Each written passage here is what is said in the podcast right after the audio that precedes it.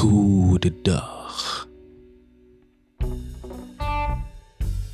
Dit is de podcast. Retro muzikanten in moderne tijden. En in deze podcast willen Gio en ik proberen om ons te beperken tot het hoofdstuk performer in moderne tijden. Precies. Want het woord performance is best groot, hè? Kun je wel zeggen.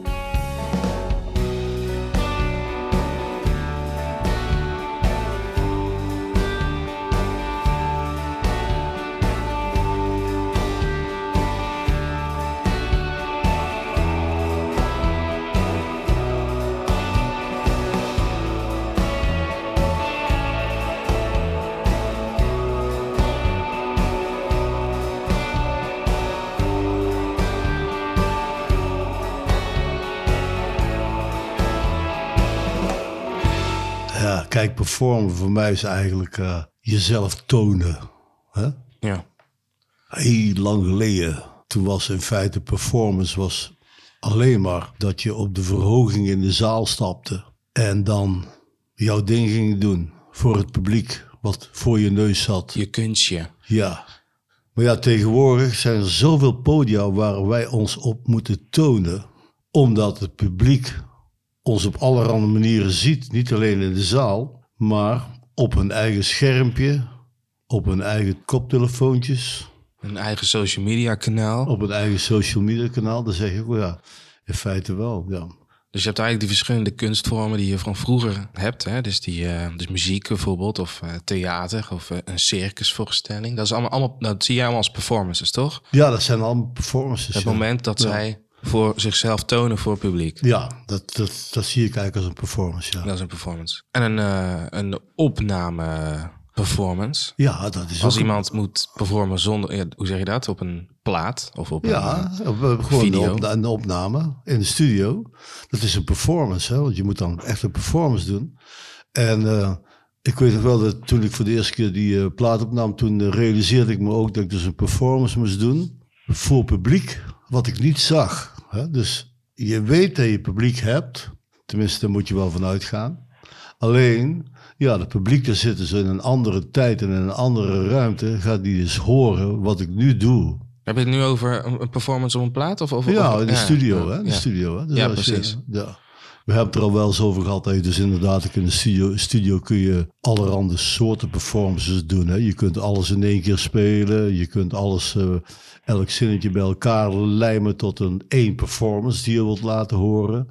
Hoe dan ook. Ik denk dat eh, iedereen eh, toch eh, zeg maar de studio ingaat om iets te laten horen aan publiek. Dus En Ja, sowieso. Nee, kijk, ik heb altijd me voorgesteld dat als ik gitaar speel, dan wil ik het gewoon Mhm. doen voor publiek, voor mensen. ja, En ik, voor mij is het best, best wel een grote omschakeling geweest toen mijn, met mijn eerste studio-ervaringen. Van hoe ik me moest inbeelden om te spelen alsof ik voor publiek stond. Ja, ja dat, dat- is een, daar heb je je verbeelding voor nodig. Hè? Ja, maar dat, dat is dus wel een hele interessante vraag. Van, hoe doe jij dat? Eh, ja, ik, concentreerde me dus eh, vooral op de, de song. Dus de, om, omdat ja, je, de song moet gebracht worden. Dus eigenlijk was ik ook al meteen een beetje bezig met de productie. Want eh, ik besefte gewoon wel dat mensen gaan luisteren naar de song. Maar van de andere kant, dat is nog een heel raar aspe- aspect. In een studio bijvoorbeeld, dan hoor je jezelf terug, hè, wat soms heel confronterend is, weet je wel. En, en eh, eh, ik weet nog wel dat ik bijvoorbeeld, ik had er altijd last van, dat ik dan bij mijn zang, als ik dan rare dingen deed die ik niet had gecontroleerd, goed, weet je wel. Ja. Dan wilde ik dat overdoen en dan zei eh, de, de gasten, de andere muzikanten in de studio, zeiden altijd van, nee, dat is net te gek man, dat, dat. Ik zeg, ja, maar ik schiet dat toch helemaal eh, uit de bocht gewoon met, eh, met alles. Ja.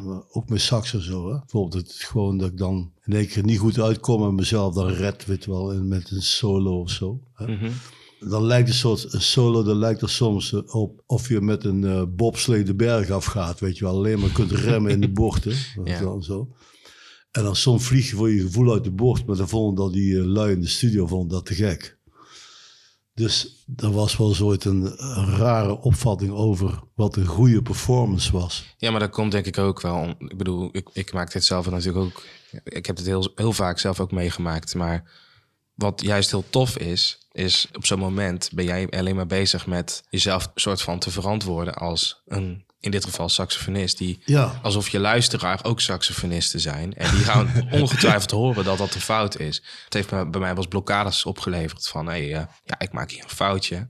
Ik weet dat het een foutje is, in ieder geval. En ik denk dat alle andere gitaristen ook doorhebben dat het een foutje is. Terwijl zo iemand, zo'n producer in dit geval, die luistert met een oor voor het grote publiek, wat in principe niet zozeer de muzikanten zelf zijn.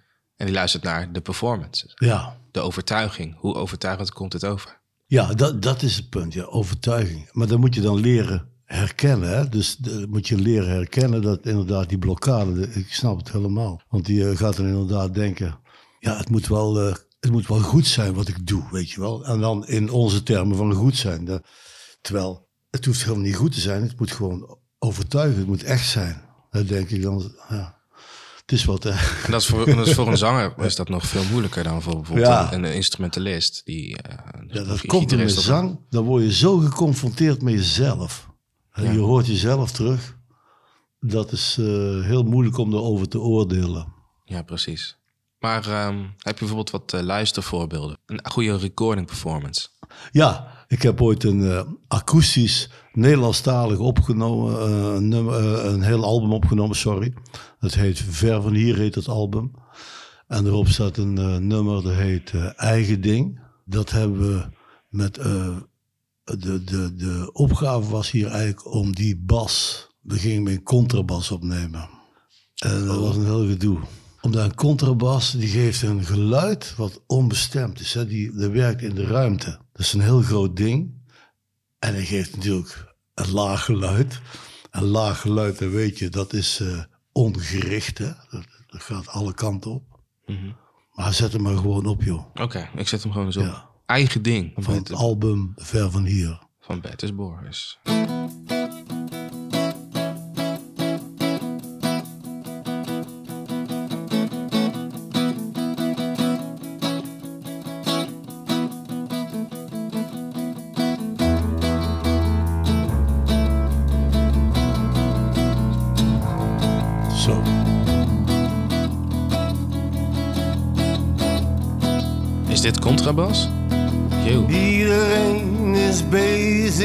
Zijn eigen ding. Smeert zijn eigen vel in voor de zon. En leven als een god, zonder stopverbod. En iedereen een koning met een koningin.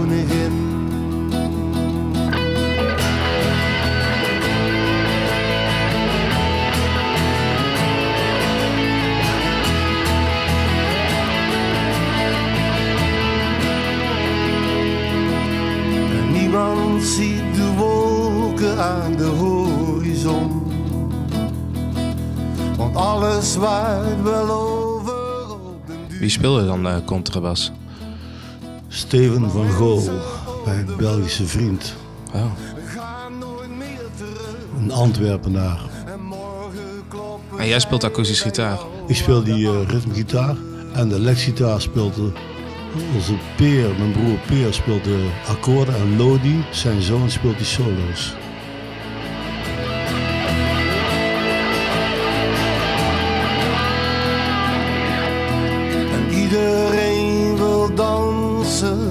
Donker wordt. Zweven op de golven van geluid. En leven als een god met de achterdeur op slot. En iedereen wil dansen tot de morgen.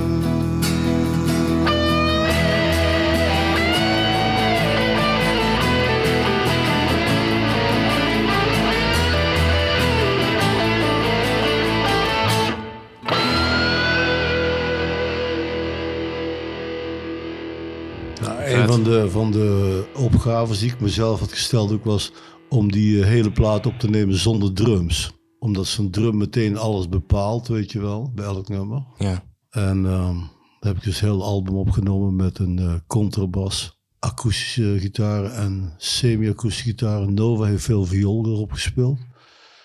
En ik vond zingen, de zingen vond ik toen ontzettend moeilijk. En eigenlijk, dat kwam eigenlijk ook omdat ik geen goede feedback had. Ik denk dat ik zelf bij, bij mijn performances in de studio heb ik echt iemand nodig die gewoon zegt van nee joh, dat moet beter. Weet je wel? Qua, qua, qua vocal? Of, Ja, eh, qua, vooral ook qua, qua vocal, ja. ja, maar Gewoon iemand moet mij opnaaien. ja, in principe bij, bij elke studiosessie merk ik wel dat... Bij vocal recording is gewoon echt een hele...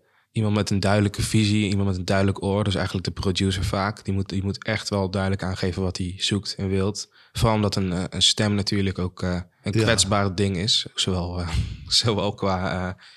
de- de onzekerheid die de zanger of zangeres zelf met zich meedraagt, Ja, als ja. dat een stem heeft maar een bepaalde limiet op een dag. En als hij zichzelf al de eerste tien keer al helemaal kapot heeft gezongen en Ja.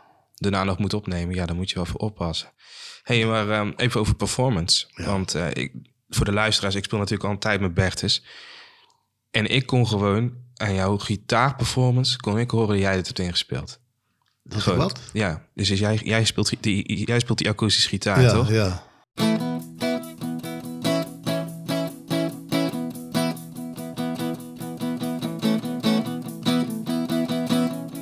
Ja, En het zit hem soms in hele kleine dingetjes. Gewoon een bepaalde feel van hoe je hem speelt, hoe je, eh, hoe je de vasthoudt, hoe, hoe je timed.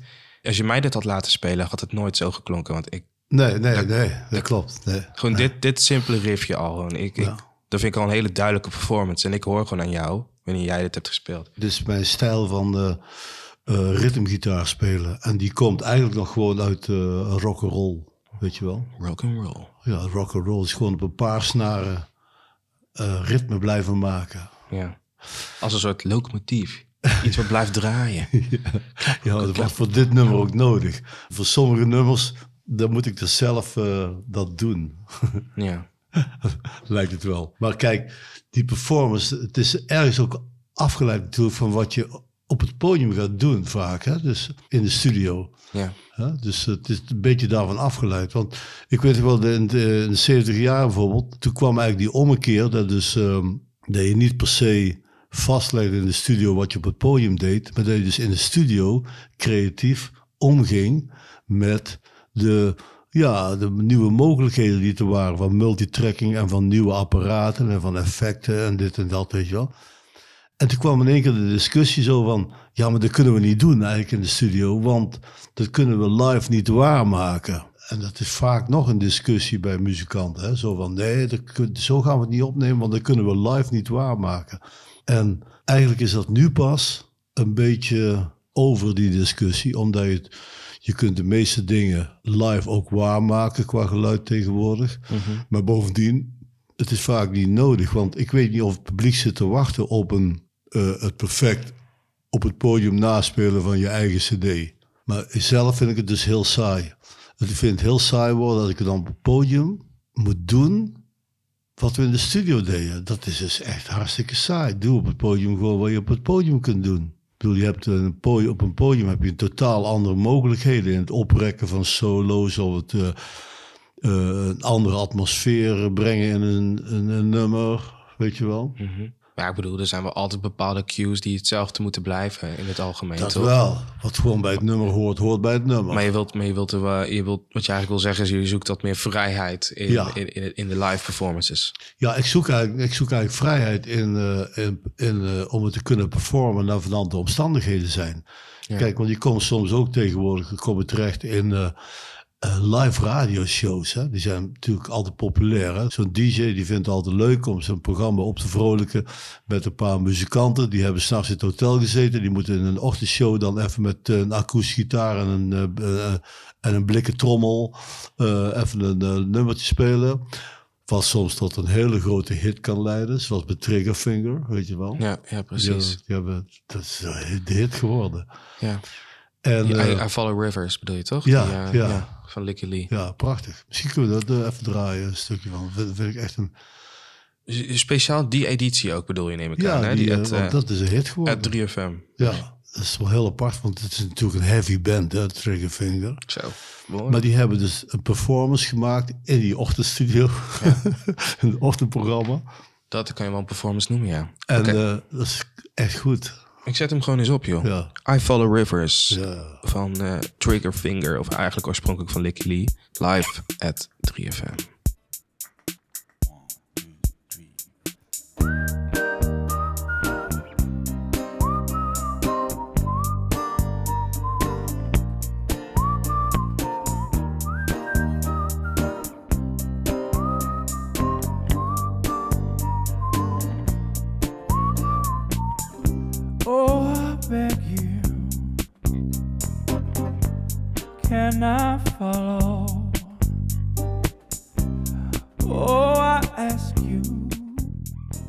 Soms kan gewoon iemand zingen en je gelooft hem direct. Gewoon bij de eerste zin al. Ja, klopt.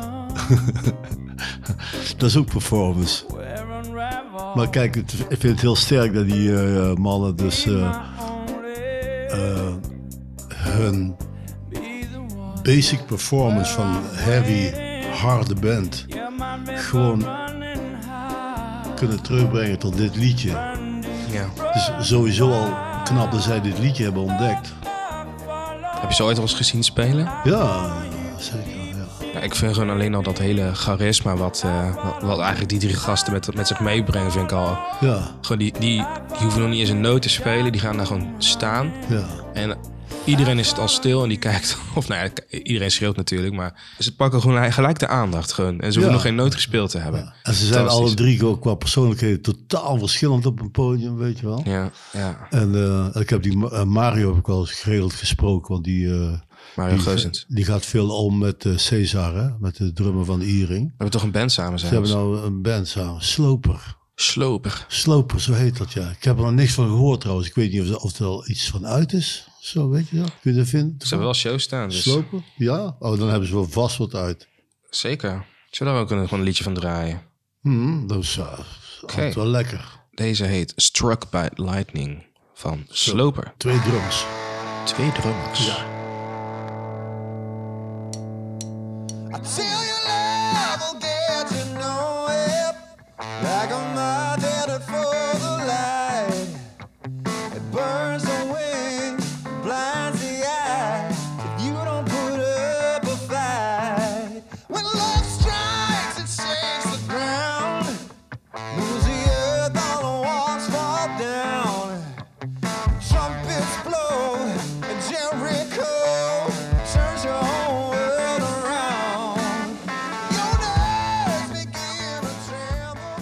Weet je wat dan mij opvalt? Het is, die band die krijgt de aandacht omdat het is opgezet door twee bekende drummers. Ja. Harde drummers. Ik weet niet eens wie die zanger is, terwijl die zanger is ook, die is ook goed.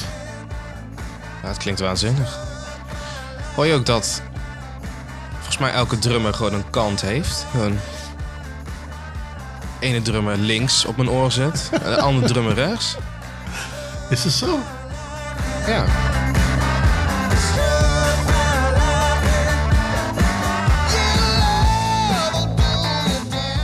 klinkt voor mij als één drummer eigenlijk dit. je hoort het in het begin vooral. Ik had hem net in het begin. In het begin, even kijken hier. Hier hoor je de ene drums rechts. Ja? En dan komt die veel zo meteen op je linkeroor.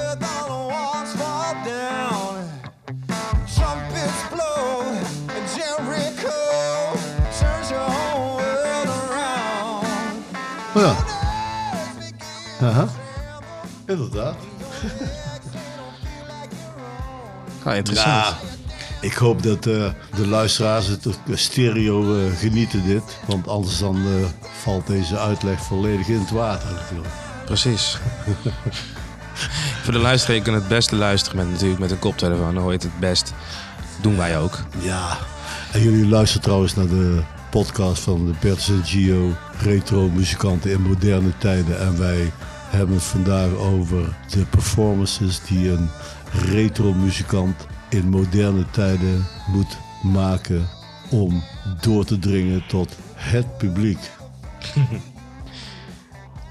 Hoe vond je deze uitleg? Ja, ik vond het een waanzinnige uitleg. heb je, hoe lang heb je, erover gedaan om deze te ontwikkelen? Eh, jaren. Jaren. ja, Ja, uiteindelijk, want, want dan, ik zeg het wel en ik zei het. En toen dacht ik in één keer van, ja, maar wat is nou het publiek? Dat is zo raar. Want dat is het eigenlijk ook een van de rare verschijnselen van deze tijd. Hè? Je hebt publiek waar je niet ziet. Normaal, hè? zoals we begonnen zijn. We gaan een podium op. We zien het publiek voor onze neus. Wij spelen voor die mensen. En nou doen we dus echt performances waar we ons goed op voorbereiden. Waar we van alles voor regelen. Waar we zelfs budgetten voor uittrekken om ze te kunnen doen. En we zien het publiek niet. ja, eigenlijk is dit natuurlijk ook een performance. Wij maken nu een podcast. En jullie, Right. jullie, de luisteraar, Ja. zijn in dit geval ons publiek. Ja. Eh, en we zien jullie niet. Nee, we weten niet eens wie jullie zijn. Nee. En dat vinden we ook wel jammer. Dus eh, als jullie eh, leuke suggesties hebben... of even een keer wat van je wil laten horen... mail ons. Zodan weten we een beetje met wie we te maken hebben. Mail ons op eh, Bertus en Gio at gmail.com. juist. Doe dat gerust. En weet je, een andere performance, wat eh, nog een ding is wat me bezighoudt, is dat vroeger was je eigenlijk, eh, eh, ja, je stapt het podium op en dan, ik had altijd wel de neiging vanaf het begin om, voor ik het podium opstap, dat ik even check hoe ik eruit zie. Dat heb ik altijd wel gehad. Dus Spiegeltje bij. Nee, gewoon zo. Ik kijk even langs me af zo en denk gewoon van... Is mijn silhouet goed? Maar dat is ook heel belangrijk. Dat vind ik heel belangrijk. Dus ik haal alle grote bult uit mijn zakken. Hè, van de portefeuilles of andere dingen zo. Gewoon, Ja. Ja, dat weet ik wel. Dat heb ik één keer niet gedaan. Toen zag ik foto's terug en toen dacht ik echt... Jeetje man, dat moet je echt niet meer doen. Leg gewoon je telefoon weg. Weet je wat, ook, wat ik ook een beetje een verboden regel vind? Of een, eh, Hm? Ik heb mezelf ook wel eens ge- teruggezien met een, met een korte broek aan op een podium. dat vind ik ook eigenlijk echt... Nee, dat kan echt niet. Vind ik, Nee, het is, het is heel moeilijk om bijvoorbeeld om eh, een optreden te doen. eh, hoe moet ik zeggen? Nee, kijk, nonchalance. Je wilt op een gegeven moment ook nonchalance laten zien op het podium. En je denkt dat je nonchalance brengt op het podium door gewoon de kleren naar te trekken die je op de camping op aandoet, weet je wel. En dat werkt dus niet. nee. Nee, dat werkt niet. Maar jij was sowieso op toch een beetje van de gekke outfits bij je performances vroeger? Ja, ik, eh, ja, ik heb een tijd gehad dat ik eh, eh, shocking outfits aandeed. Maar dat doe ik al decennia lang niet meer.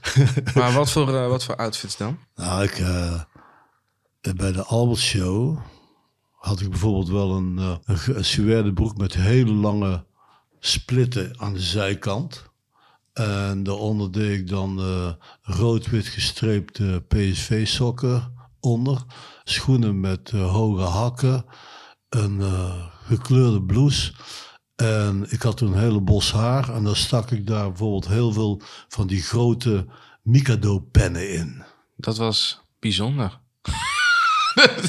Nou, ik bedoel, wat, wat ik al zei, ik, ik lette goed op mijn silhouet. En dan was ik heel tevreden over mijn silhouet. Ja, precies. Dus silhouet zag goed uit. Maar dat, was de, dat, dat, is, dat omschrijf je nu als de meest gekke outfit die je... Nou, het was een outfit. ja. Eh, maar nee, ik, ik heb ook een tijd gehad dat ik dus een... eh, toen kleed ik me dus zoals ik me kleedde op straat. Dus ik, ik had gewoon opvallende kleren aan. En ik had een leren jack waar ik eigenlijk in woonde. Of zowat, weet je wel. Die had ik altijd aan. Dus die droeg ik ook op het podium. Zo. Moet wel warm zijn in de zomer. Dat was warm, Ja? ja. Mijn gekste outfit is, eh, die draag ik nog steeds wel eens. Met eh, House of Rock, Tribute to the 90s. En dan heb ik zo'n eh, legging aan, Ja, die helemaal strak zit. Met, met zo'n netjes shirt, met van die gaten erin. En dan tape ik het liefst met roze gaffatape, met tepels af in kruisjes.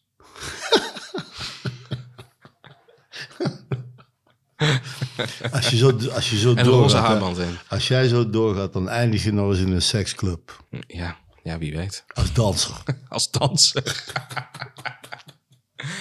hey, trouwens, House of Rock. Hebben die al iets uitgebracht? Nee, we spelen alleen eh medleys en covers eigenlijk. Ja, die kun je toch ook uitbrengen? Die kunnen we ook uitbrengen. Er zijn veel covers uitgebracht in de loop der tijden. Dat is wel waar. Heel veel. Maar er is nog niks uitgebracht. Ik, zal eens, ik zal eens met de jongens praten erover. Ja, dat moet je zeker doen. Maar ik ga toch even bellen.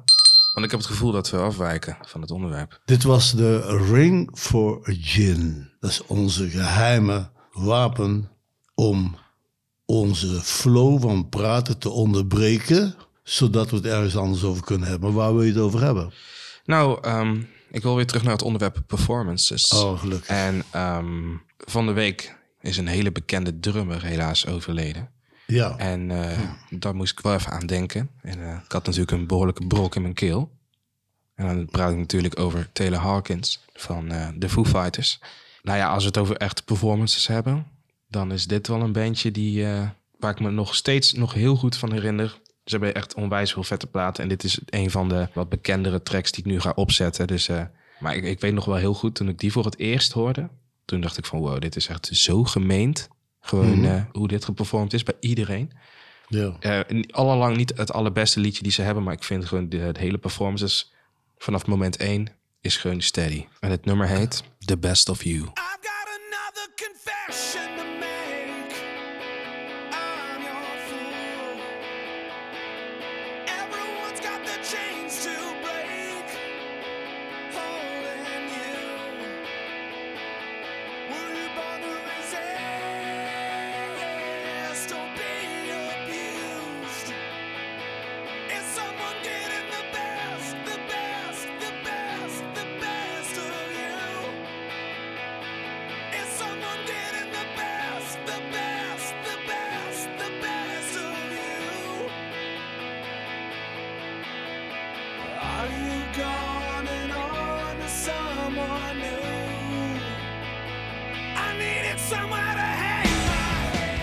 Ja, ik vind het zo gaaf.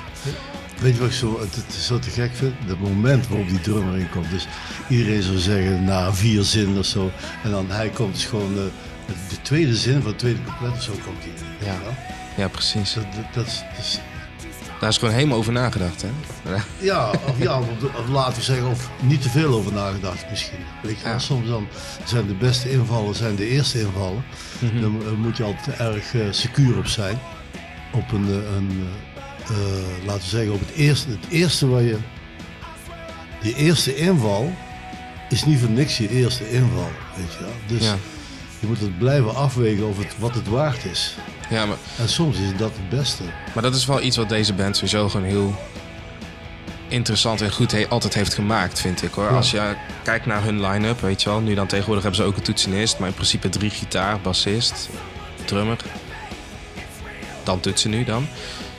Soms eh, het is heel interessant om eens te luisteren naar hoe, hoe zij werken met dynamiek. Van wanneer de ene wel speelt en wanneer de andere niet speelt. En, eh, sommige, soms kiezen ze ervoor om partijen te dubbelen met twee gitaren en dat er eentje ertussenin zit. Of, Ja, dat klopt. Ik dat denk- is helemaal, is helemaal uitgekiend. Dat is heel vet. Ja, maar het is ook wel veel op, op intuïtie lijkt het wel. Dus ik denk, kijk, die Dave Grohl is natuurlijk een, eh, een gast die toch wel een hele belangrijke stempel heeft gedrukt op de ontwikkeling van eh, eh, rockmuziek. Zeker. Weet je wel, dus, en blijft drukken waarschijnlijk, want ik zie hem voorlopig nog niet stoppen, weet je wel. Nee. En, en hij doet dat waanzinnig goed. Maar Nou, Dit is weet je wel ook weer zo'n zo'n zo'n type, type track. Gewoon dat de performance is zo sterk en zo eigen. Ik heb nog nooit een cover gezien van sowieso van deze band, maar ook niet van deze track, die in de buurt kwam van wat zij doen. nou, eh, Gewoon, want niemand kan die het zo laten voelen als dit, zeg maar. aha. Niemand performt hem zoals, hij, als, als zij dat doen. Dat is een sterk performance. ja. En dus ik was daar bijvoorbeeld, daar wilde ik ook over hebben, dus hoe dat eruit ziet. Hè? Dus eh, het is ook echt, eh, zoals het eruit ziet, dat is ook wat het is, weet je wel. Want dat is tegenwoordig natuurlijk ook een punt. Het publiek hoort je niet alleen, maar ziet je ook. Hè? Op YouTube filmpjes, op social media. Ga zelf maar na hoeveel dat, eh, dat wij eh, al besteden aan een goede foto, weet je wel. Zo. Foto's, video's. Of voor deze podcast zelf hebben we echt een fotosessie gedaan in een lege zaal. Met Cloakture, Ja, Cloakture, die mag wel eens genoemd worden. onze William. Inderdaad. Ik wil weer een nieuwe performance. Ik eh, ben helemaal into muziek op dit moment. Nou, en laten we het hebben over die fotosessies. Hè? Oh. Daar ben ik eh, wel altijd eh, mee bezig in de zin van... ik denk altijd van, oké, als we een fotosessie gaan doen... Is dat ook een performance? Ja, voor mij ergens wel. Omdat je, ik denk na over wat ik aandoe. En ik probeer te regisseren van waar we zijn, de omgeving of zo. Of dat het wel of niet een sterke omgeving moet zijn die zich opdringt. Of een omgeving moet zijn die gewoon vrijblijvend is. Een omgeving moet zijn die eh, hoort bij ons. Of moeten we net contrasteren met de omgeving? En als je daar iets op gevonden hebt, dan gaat het er weer over uit van hoe organiseer je dat? En hoe krijg je dat goed op beeld? Maar goed, dat is niet onze zaak. Ja, maar ook hoe, ja, maar hoe organiseer je dat? Kijk, want ik, heb de vorige keer ook een, eh, ik heb een zaal georganiseerd, hè, een lege zaal. Hè? Ja. En dan moet je dus mensen bellen, of dus allemaal op hetzelfde moment in die lege zaal kunnen zijn. en dan heb je uiteindelijk toch wel mooie foto's. Zeker. Waarbij we dus bijvoorbeeld ook de afspraak hadden dat we gewoon ons zouden kleden alsof we van buiten kwamen. Hè? Dus je, een heel groot verschil dat je dus allebei gekleed bent in kleding die je binnen draagt, hè? in een warme kamer. Of dat je dus kleding draagt die je buiten draagt. Er zijn zoveel acts en bands die eh, daar zoveel verschillende outfits kiezen hierop, weet je wel. Bijvoorbeeld, eh nou ja, Maneskin en Manskin, Ja. die eh Ja, ja. is een songfestival hebben gewonnen. Die hebben natuurlijk echt een bepaalde look, een bepaalde duidelijke uitstraling, een bepaalde beetje SM-ish kleding aan. Ja, Eh, daar, daar is heel goed over nagedacht. En er is helemaal over nagedacht, uiteraard. En eh, de Beatles die dan altijd eh, in, wat is het, een vijfdelig pak of zo? Ik weet het niet. In ieder geval een pak speelden, dacht ik. Ja, van die typische jasjes. Typische jasjes, in principe. Beatle jasjes, zonder kraag. Ja, en zo heb je ook bands die allemaal precies hetzelfde aandoen. Echt exact hetzelfde. En eh, Ramones waren het ergste. ja, Ja, die zijn ook, ook in hun muziek. Ze zijn monomaan. Ten eerste was zo dat ze dus hadden afgesproken dat ze allemaal met een achternaam Ramon heten. Hè? Want T. Ramon, Joe Ramon. weet ja. Alsof het de Daltons waren, weet je wel. ja, ja. En, eh, One big family, man. en dan eh, ook die, eh, die, die shows, gewoon shows die een half uur duren. Met allemaal nummers die hooguit 1 minuut en 20 seconden duren of zo, weet je wel. We het, is, het, het een heel sterke band. En ze zagen allemaal hetzelfde uit. Alles is zwart, lange haren, allemaal zonnebril op. Ja, super toch? Ja. Dat is toch fantastisch. Zullen we, gewoon, zullen we er gewoon eentje draaien ook Ja, licht. En dan, en dan gewoon ook een hele lompe muziek spelen. Gewoon. Heb je, heb je een voorkeur? Nee. Oké, dan doe ik gewoon, want vorige, vorige episode heb ik het gehad over eh Sauro Loki. Ja, En ik heb toevallig met hem op, eh op eh, 3FM een tijdje geleden gespeeld. En dan heb ik ook een nummer van de Ramones gespeeld. oké. Een hele bekende zelfs. Kijk. Blitzkrieg Bob van de Ramones.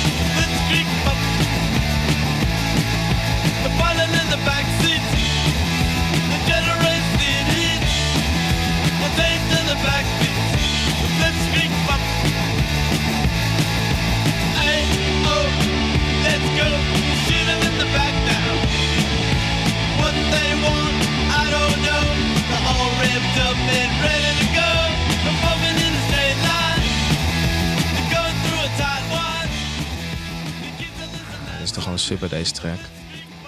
Ja, ik wil nog even zeggen dat eh, al deze nummers die we draaien, die komen allemaal terecht op een Spotify playlist van Bertus en Gio, de playlist. En dat is natuurlijk een heel erg uiteenlopend gebeuren, want ja, noem maar eens iets op, zeg maar, alles wat gebeurt tussen Cliff Richard en de Foo Fighters, weet je wel. Tussen Lucky Lips en... eh, Lucky Lips, een eigen ding. En eh, Biffy Clyro, Creedence Clearwater Revival. Het is eigenlijk echt een playlist die gaat alle kanten Ja, het is een belachelijke Zelfs playlist. Dua Lip- Lipa zit ertussen. ja, tuurlijk. Maar Dua Lipa, dat zijn goede producties hoor. Zo. Hey.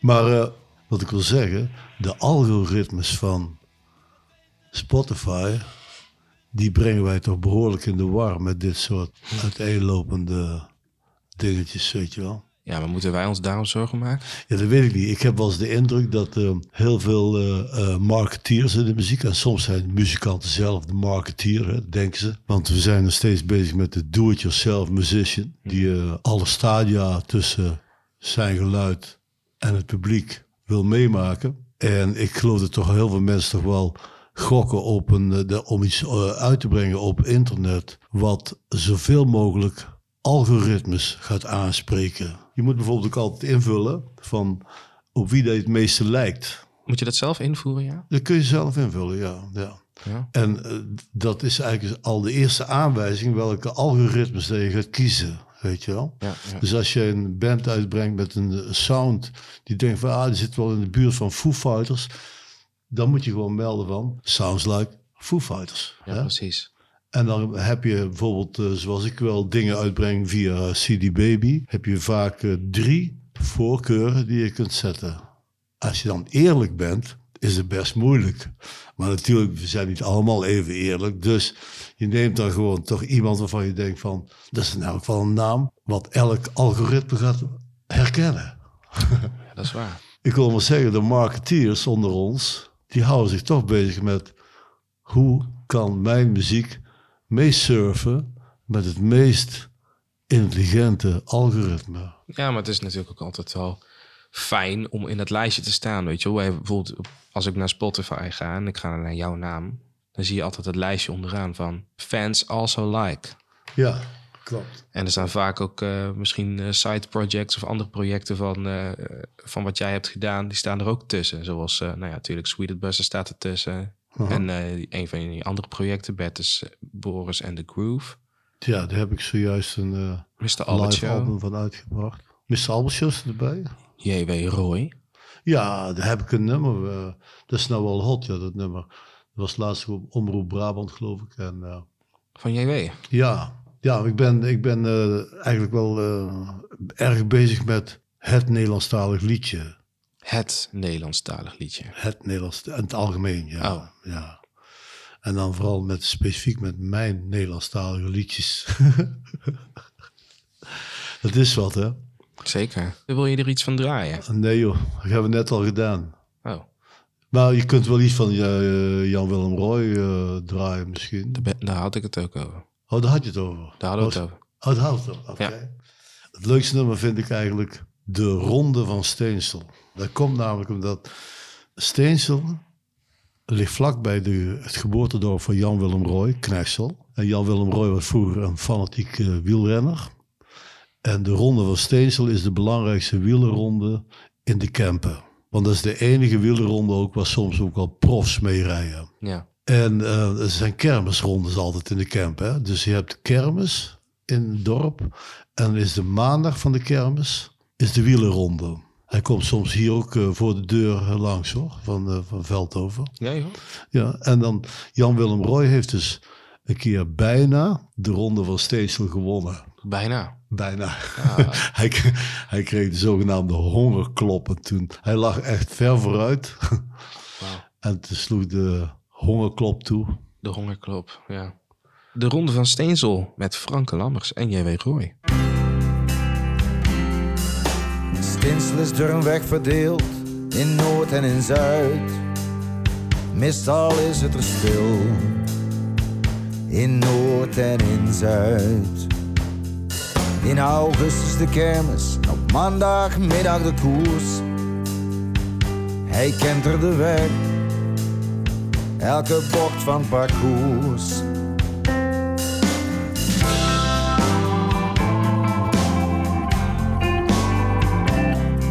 Heeft harder getraind dan ooit en is goed in vorm. Ja, hij denkt dat het kan. Beter was hij nog nooit. Het duurt lang voor het refrein komt, hè? Ik probeer gewoon het Brabants te ontcijferen. Dat de krant op dinsdag schrijft. Een jongen uit Knechtsel wint de ronde van Steensel. Hij reed de stenen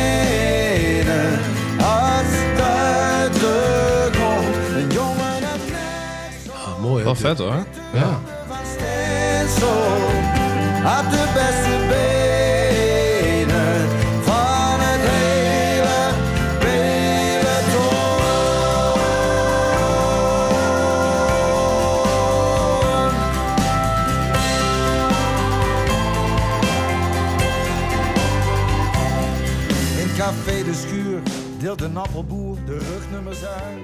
Het is een, eh, een eigen verhaal van hem, hè? dus het is echt Ja. zo gebeurd. Hij is maar alleen niet gewonnen, hij droomt ervan dat je hem had gewonnen. Dat is een trein in de concurrentie, het Bergijk heeft het zwaar. En hij kijkt nog eens een. Ja, en Je hebt gevoetbald vroeger, toch?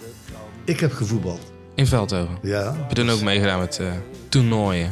Ja, ja, we hebben wat toernooien gewonnen. Ja, klopt. Gewonnen zelfs. Ja, ik heb zelfs ooit de winnende goal gemaakt in de finale. Jongen, jongen, jongen. Ja. Is- En ook nog eens een keer in Zeelst, weet je wel. De winnende goal gemaakt. Ik was een fanatiek voetballer. Ik was een, nou, ik durf gerust te zeggen, razendsnelle linksbuiten. Precies. En met die eh, oranje krullen van jou eh, was je overal eh, ook heel makkelijk te zien en te vinden. Ja, dat was wel wat, want de mensen langs de kant en zo, die waren wel ruig in die tijd. Hè? Echt zo van de, de tegenstanders stonden van die oude lui achter langs de kant, weet je wel. En dan riepen ze van, hey, schub hem kapot die kleine rooie, schub hem kapot. Zo. Heftig. En dan, toen dacht ik al bij mezelf, uh, fuck off jij. Ja, dan had ik het woord fuck off ken ik nog niet, hè. Maar ik dacht, eh, Maar dat dacht je wel. dat dacht ik wel. maar eh, ik vind het wel typisch dat eh, eh, Jan-Willem Roy, die, eh, hij begint die tekst ook weer over de tegenstelling van Noord-Nederland en Zuid-Nederland. hè. Dus de, het gaat toch vaak over die tegenstelling in Brabant, weet je wel. Eh, nou schiet me een nummer te binnen, wat ik ooit een beetje daarin heb zitten verwerken. En dat is weer van dezelfde album van mij, van dat akoestische album. Van Ver van Hier. En dat nummer dat heet Legoland. Dan gaat voor mij van een treinreis. Dat ik op een gegeven moment denk van, nou, ik moet naar Amsterdam. Maar ik neem niet de auto, want het is ellende, zeg, die files, weet je wel. Gewoon de A2, hè? Het is gewoon eh, belachelijk, weet je wel, en zo, hè? Dus dan neem ik de trein. En dan kom ik eigenlijk achter dat Nederland gewoon, dat is een Legoland. Prachtig geregeld. Ik heb hem hier. Ja, oké. Legoland. Lego Van- land. Petersburgers. 1, 2, 3.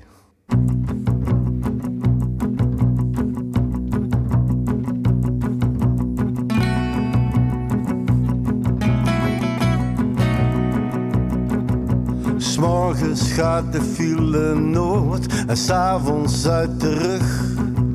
Misschien maar beter met de trein, want die gaat net zo vlug. En treinen met een ochtendkrant en met een conducteur. En treinen fris gespoten in een opgewekte kleur. En alles loopt op schema, niks loopt uit de hand. Nee, dit is Legoland. En vrouwen doen de bonte was of werken op kantoor. En mannen blijven gentlemen, laten vrouwen voor.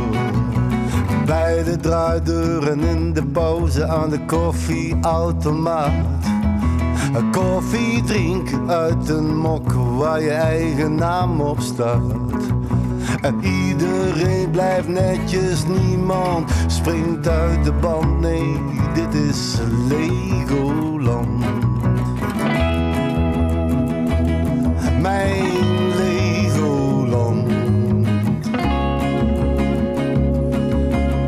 En jammer van die blaadjes aan de bomen. Die onvermijdelijk. Weer die contrabas. Ja, allemaal, allemaal contrabas. Geen drummer. komt dan 's morgens vroeg de eerste Ja, dat hoor ik. Schoonmaakploeg.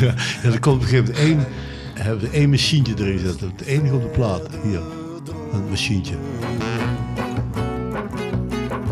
Een handclap.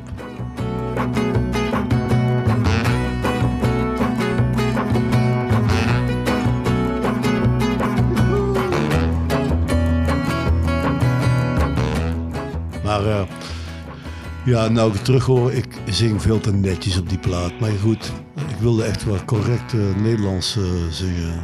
Het is altijd achteraf praten, weet je wel. Dat is achteraf praat, ja, dat vind ik ook. Op dat moment praat. heb je de performance op die manier gedaan. Ja, precies, En dat is, dat, is, dat is voor elke muzikant, is Ja. het daarna altijd, voor iedereen is het altijd moeilijk. Want je denkt altijd daarna, ja, dat zou ik nu anders hebben gedaan. Ja, Op een gegeven moment moet je dat wel los kunnen laten. Ja. Dat is gewoon de keuze die je in die tijd hebt gemaakt.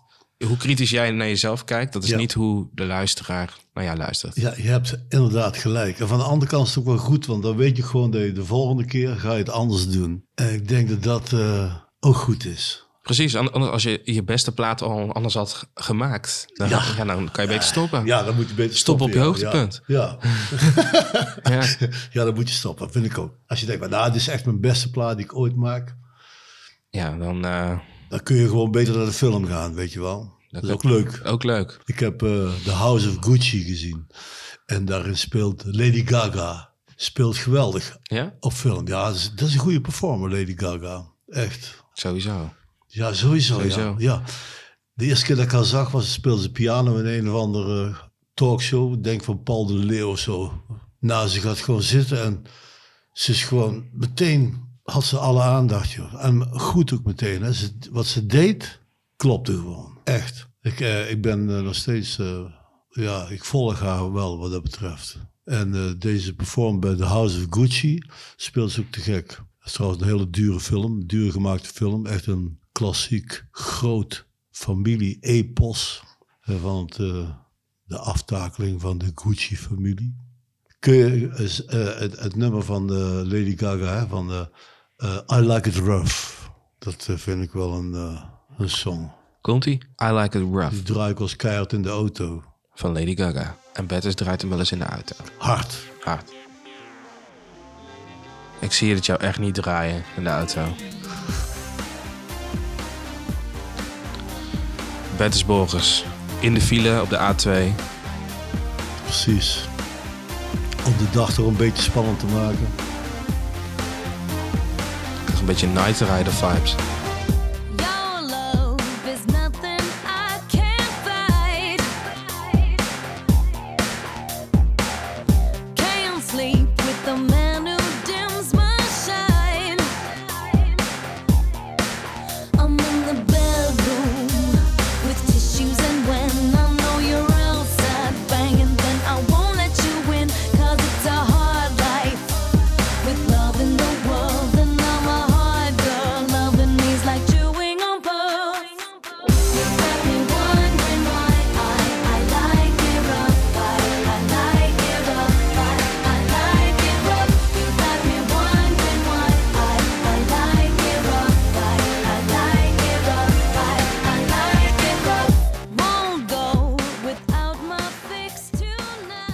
Het is sowieso lekker om dit nummer toe te voegen tot onze playlist op Spotify, joh. Want dit brengt de algoritmes echt wel weer in de war, hoor. Precies, en daar gaan we voor. Nou, Jan-Willem Roy, dit.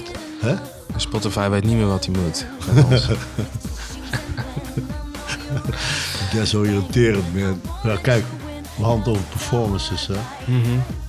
En ehm, dan vind ik bijvoorbeeld eh, een livestream, dat vond ik ook een hele... Het is een tijdje nou geweest dan bij corona. Op een gegeven moment kwamen livestreams in, hè. Dus dat je- Livestream concerten. Ja, Laten we vooropstellen dat er eh, dat vanuit alle kanten, ook de organisatie, eh, podiumorganisatie en de filmcreworganisatie hebben allemaal echt hun best gedaan. Om het een hele persoonlijke, intieme settings te maken. Inclusief zelfs een drank- en snackboxen die worden aangeboden. zo. Ja, maar toch, Het wordt geen live show. het wordt geen live show. Nee, nee. Nee, in ieder geval komt- vanuit ons gevoel niet. Vanuit mijn gevoel in ieder geval niet. Nee, dat klopt. En dat heeft er puur te maken met gewoon de natuurwet. Weet je wel, de, als je in dezelfde tijd en ruimte bent bij iemand, dan is dat een ander contact dan dat je het dus zeg maar via een scherm of koptelefoons op een andere plek moet zien. Het beeld en geluid, performance is toch altijd minder dan gewoon eh, live performance. Ik bedoel, ik heb eh, eh, één keer een concert gezien van Prince en ik stond twee meter van hem af. En hij deed voor mijn neus. En ik heb nooit zoiets anders meegemaakt met zijn muziek dan... bedoel, ik heb een hoop platen van hem gehoord, weet je wel. Een hoop nummers van hem gehoord en beluisterd. Maar die anderhalf uur dat hij voor me stond, Ja, maar was toch... dan noem je er ook een hoor. Ja, dan noem je er één op.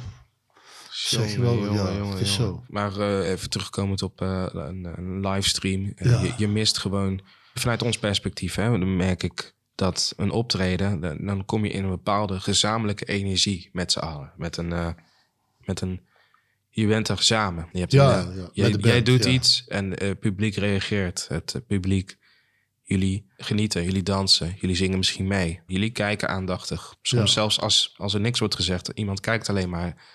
Er heerst een bepaalde energie en die mis je tijdens een livestream. Hebben wij, in ieder geval die heb ik gemist tijdens een livestream concert. Want het voelt dan eerder alsof jullie bij ons in de woonkamer staan. Bij een intieme sessie, eh, een intieme repetitie met camera's. Zo, Ja. zo voelt het. Ja. En ehm, dat is anders. Ja, die energie is er dan niet. Maar goed, dat weten we. Maar van de andere kant, het is ook wel spannend. Bijvoorbeeld als wij nou eh, bezig zijn met eh, op alle randen podia onszelf te tonen. Het is ook wel een spannend, een spannend verhaal Ja. weet je wel, om te doen. Wat ben je aan het zoeken? Je bent het type. Ik weet nog dat jij eh, net het had over Prince. Die gast is zo lijp. Dus Ja. ik wilde gewoon iets opzetten van Prince. Ja, dat moet je doen. En ehm, iedereen kent natuurlijk Purple Rain en zo. En, ehm, dus daar ga ik niet draaien. Wat wel een waanzinnig nummer is. Maar ik heb een, eh, een- eigenlijk een wat later eh, plaat van hem. Een flinke tijd geleden ontdekt. En met een samenwerking met Third Eyed Girl. Dus Prince en Third Eyed Girl. Het is eigenlijk een complete chick band en Prince. De plaat heette Plectrum Electrum. En die komt uit eh, 2014. Aha, dat ken ik niet. En ehm, ja, het is gewoon eh, alles op deze plaat is waanzinnig. Maar eh, de song die ik ga opzetten is ook eh, denk ik de, ja, de self-titled song. Plectrum Electrum. Ik zet hem gewoon eens op. Dat is gewoon super.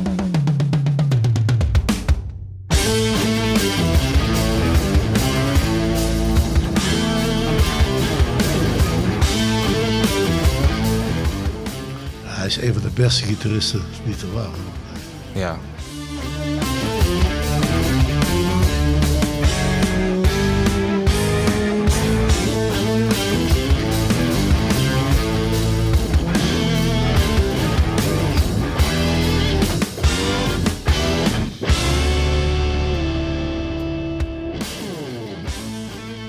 Maar het is te gek.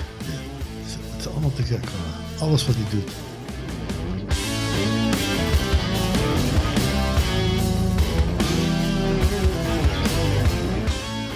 En dan zingt hij nog niet eens.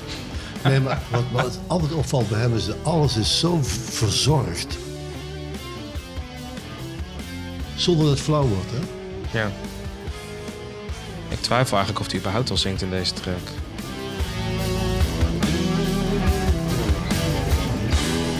Ja, maar wat we bijvoorbeeld bij de concert dat ik toen heb gezien, hebben we opviel dat hij echt waanzinnig gitaar speelt.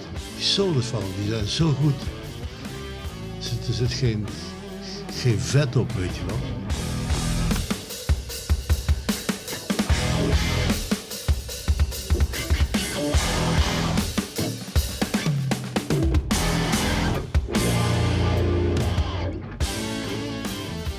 En voor de lieve luisteraars, mochten jullie het nou tof vinden wat we doen en jullie willen ons eh, supporten, dan kunnen jullie een petje afdoen bij petje.af Bertus. Slash bedoel ik. En dan eh, kunnen jullie misschien eh, mede supporters worden van ons clubje van Bertus en Gio. Kan. Maar het hoeft niet. Eh, nee. oh, yeah. Het is wat met die petjes af. Hey, trouwens, wat mij toen wel zeg maar raakte was dat hij dus gestorven is door een overdosis aan de pijnstillers. Dat vond ik heel apart. En Tom Petty ook, weet je wel. Dus toen werd ik er weer op gewezen, bijvoorbeeld vooral in Amerika, dat heel veel mensen er wel in de pijnstillers zitten en daar zelfs verslaafd aan zijn. En dat begint hier dus ook te komen. Is dat zo? Ja, ik heb er geen last van, want ik heb weinig pijn. Gelukkig, thank you Lord. Maar ehm, ik hoor het om mij heen, hoor ik dat wel. Ik vind deze plaat zo goed. Niet normaal. Dan is dit toevallig nog een, eh, een, eh, instrumentale versie. Maar ehm, jullie moeten maar eens gewoon eh, naar de hele plaat luisteren. Plectrum Electrum. Er zit van alles tussen. En ik denk dat dit ook wel een, eh, een goede track is om eh, deze podcast eens een keer mee te eindigen. Ja. Uiteindelijk krijg je natuurlijk wel die klapjes en zo. Maar, Ja, de klappen moeten nog komen. Dus nog even samenvattend. Vandaag hebben we het gehad over de performances. In verschillende varianten, vormen, Ja. verschillende media. En ehm, Eigenlijk dat elk medium zijn eigen performance eh, opeist. precies. En als wij als eh retro-muzikanten in deze moderne tijden dus ons publiek willen bereiken, dan zijn we gedwongen om op diverse niveaus diverse performances te leveren. Want de performance moet je leveren, hè? Sowieso. Je, moet sowieso leveren. Ja, je moet een podium opstappen of je moet een, eh, je kleden voor een fotosessie of je moet eh, een interview voorbereiden of je moet jezelf instellen in de studio om een goede track op te nemen. Alsof je jezelf volledig richt op publiek waar je niet ziet, niet hoort, je weet niet eens wie het is. Nee, Dat zijn jullie dus, eigenlijk. Het publiek. het publiek. Dat is een anoniem ding geworden, weet je wel. En die wij onwijs dankbaar zijn. Altijd opnieuw. Ja, ja dat vind ik, ja, vind ik al, al, al moeilijk, want ja, dankbaar, ja. Ik ben altijd dankbaar dat ze Ja, er zijn. Ik ben, ja, ik ben sowieso elke, elke dag eh, dankbaar, moet ik eerlijk zeggen. Want zonder hun zouden wij daar niet staan. Of Nee, En zonder deze luisteraars zouden wij deze podcast niet opnemen. dat is waar. Precies. Als we geen luisteraars hebben, dan kunnen we beter stoppen. Dus wij willen jullie onwijs bedanken. hebben Mochten jullie nog suggesties hebben, mail ons op pettisandgio.gmail.com. Zo is Jullie dat. kunnen ons supporten via petje.af slash. En eh, Ja, ben aardig voor elkaar. ben aardig voor elkaar. En we zien elkaar weer bij het volgende seizoen. Alright, geef je die klappen, of de jong retro klappen. Komt-ie dan. Yeah. En nu is het tijd voor beersenbier.